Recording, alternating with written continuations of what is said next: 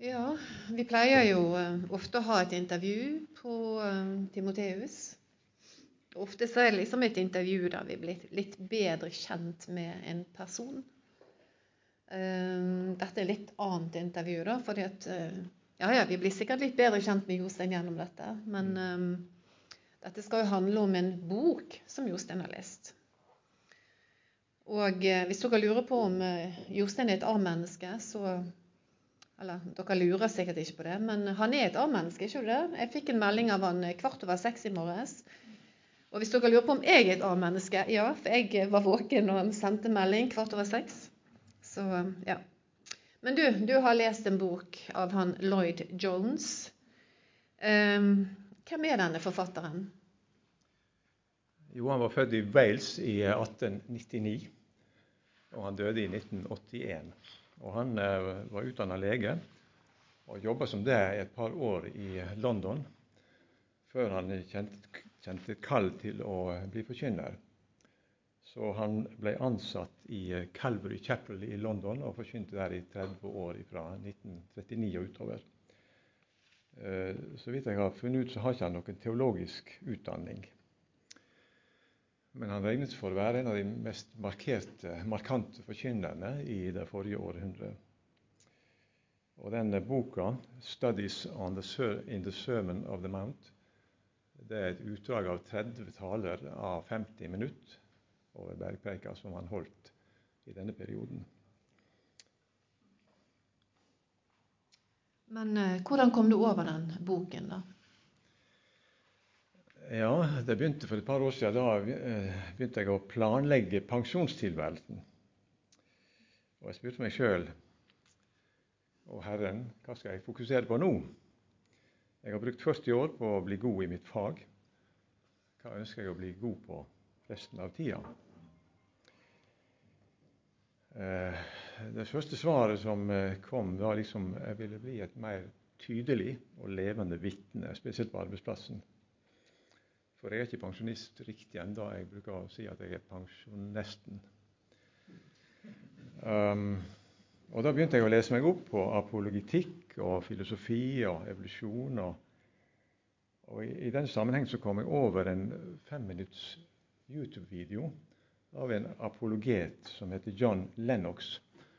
Og han er eh, pensjonert matematikkprofessor i, i Oxford. Er Cambridge, unnskyld. Og Han har en femminuttsvideo på YouTube. Du finner han. John Lennox. 'My Last Words to the World'. Uh, har han på, uh, på, sine eldre dager. Han uh, lever fremdeles. Jeg vil si at Den videoen blåste litt støv av hjernen. Sitat. Vi frarøver oss sjøl det som er det aller viktigste i livet som kristne, å søke fellesskap med Gud i Hans ord. Guds ord er gitt oss for å gjøre, oss, for å gjøre de evige sannhetene reelle. Du blir ikke et åndelig menneske ved å lese Bibelen fem minutter før du sovner. Så da oppstår det en lengsel. Jeg vil bruke resten av tida til å lære Gud å kjenne på ordentlig. Så det var bakgrunnen for at jeg begynte å søke etter kristne klassikere og komme over denne boka. Eh, hva sier denne boken om eh, bergpreken, da? Ja, ehm, jeg ikke gått, skal ikke gå inn i detaljene, men eh, han har et ganske langt introduksjonskapittel.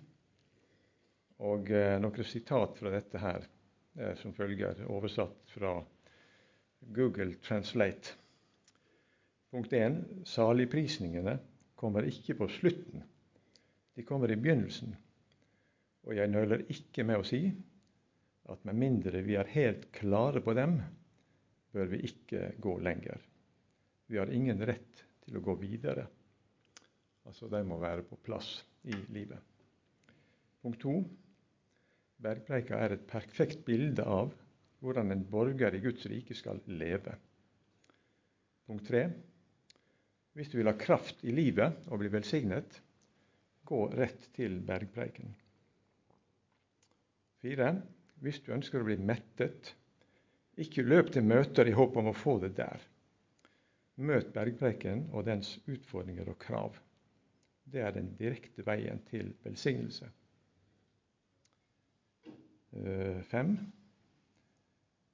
Det som er av største betydning, er at vi alltid må huske at bergpreken er en beskrivelse av karakter. Den er ikke en etikk- eller moralkodeks. Altså Det betyr det forklarer ikke hva du skal gjøre i enkelte situasjoner, men den, den er der for å endre vår karakter. Punkt seks.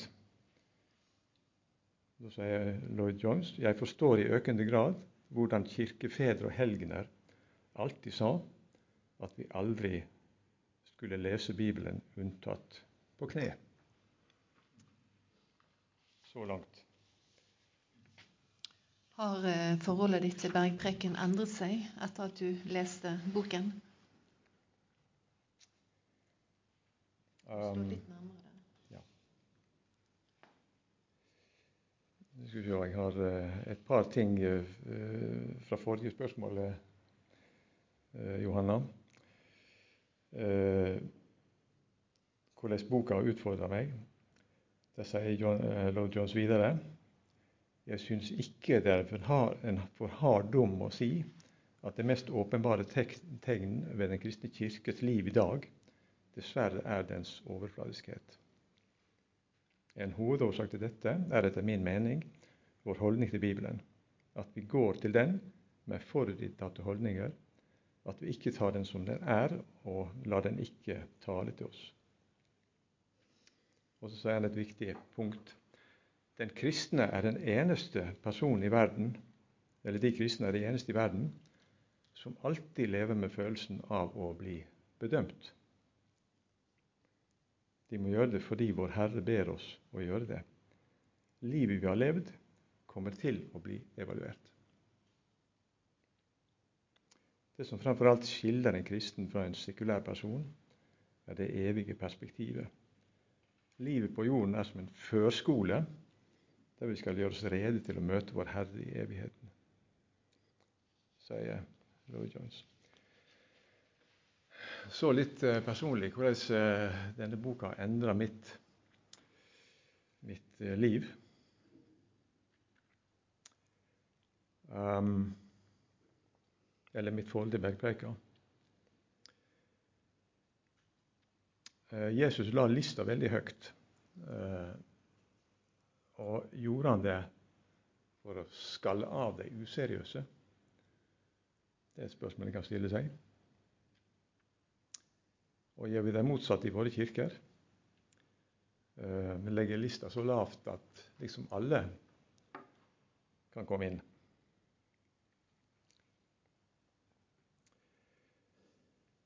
Eh, tar opp mange ting, men vi må huske at det, egentlig så er det ett tema, én rød tråd. Det var én tale. Og det er klart I en tale så har du en rød tråd. Du springer ikke til ulike tema da. Og, og Det betyr at talen må forstås i en sammenheng. F.eks. i etterkant av det å dømme avsnittet om flis og bjelken, om det å kaste perler for svin, så står det Be, så skal du få. Er det da et løfte som omhandler alle våre små og store fortredeligheter i livet? Er det et løfte om at vi skal få svar på absolutt alt som ikke har med dette å gjøre? Har jeg spurt meg. Eller er det en hjelp til å bli mindre dømmende, få mer innsikt i vår egen bjelke, eller få større visdom i omgang med hunder og svin, for å bruke uttrykket her? Jeg tror det siste. Bergverka fokuserer på vårt indre liv, våre holdninger og motiv, mer enn våre handlinger. Eh, Vi blir ikke mer hellige av å kutte arm eller rive ut øyne. Vi blir ikke det. Og vi blir heller ikke mer hellige av å gi bort uh, boblejakka. Eh, og heller ikke om jeg får et slag her, så blir jeg ikke mer hellig om jeg venter på et slag der. Så dette handler om å endre våre indre holdninger, våre motiv og vår karakter. Tidligere trodde jeg at bergpreika var en beskrivelse av en ideell standard som var uoppnåelig for vanlige folk. Men gjennom Jesu døde oppstandelse er det faktisk mulig for meg å se på ei vakker kvinne uten å begjære henne. Eller gi gaver med glede uten at andre trenger å vite det. Eller å be offentlig uten å prøve å imponere. Jeg tror det er mulig. Eller å vise omsorg for folk jeg egentlig ikke liker. Jeg tror i Guds kraft så er det mulig. Men samtidig er bergpreika et diagnoseverktøy som avslører mine brister og gjør meg audmjuk og avhengig av Gud for å leve den ut. Og eh, Stig Magne var inne på slutten at eh, folks kommentar var at det var, ja, det var slått av undring over, over, hans lære. Og Jeg stilte meg sjøl spørsmålet hvor, hvorfor blir ikke vi slått av undring når vi leser Bibelen av og til? Er det blitt så familiært, på en måte? Har ikke klart, klarer ikke vi å ta det inn sånn som vi skulle? Ja.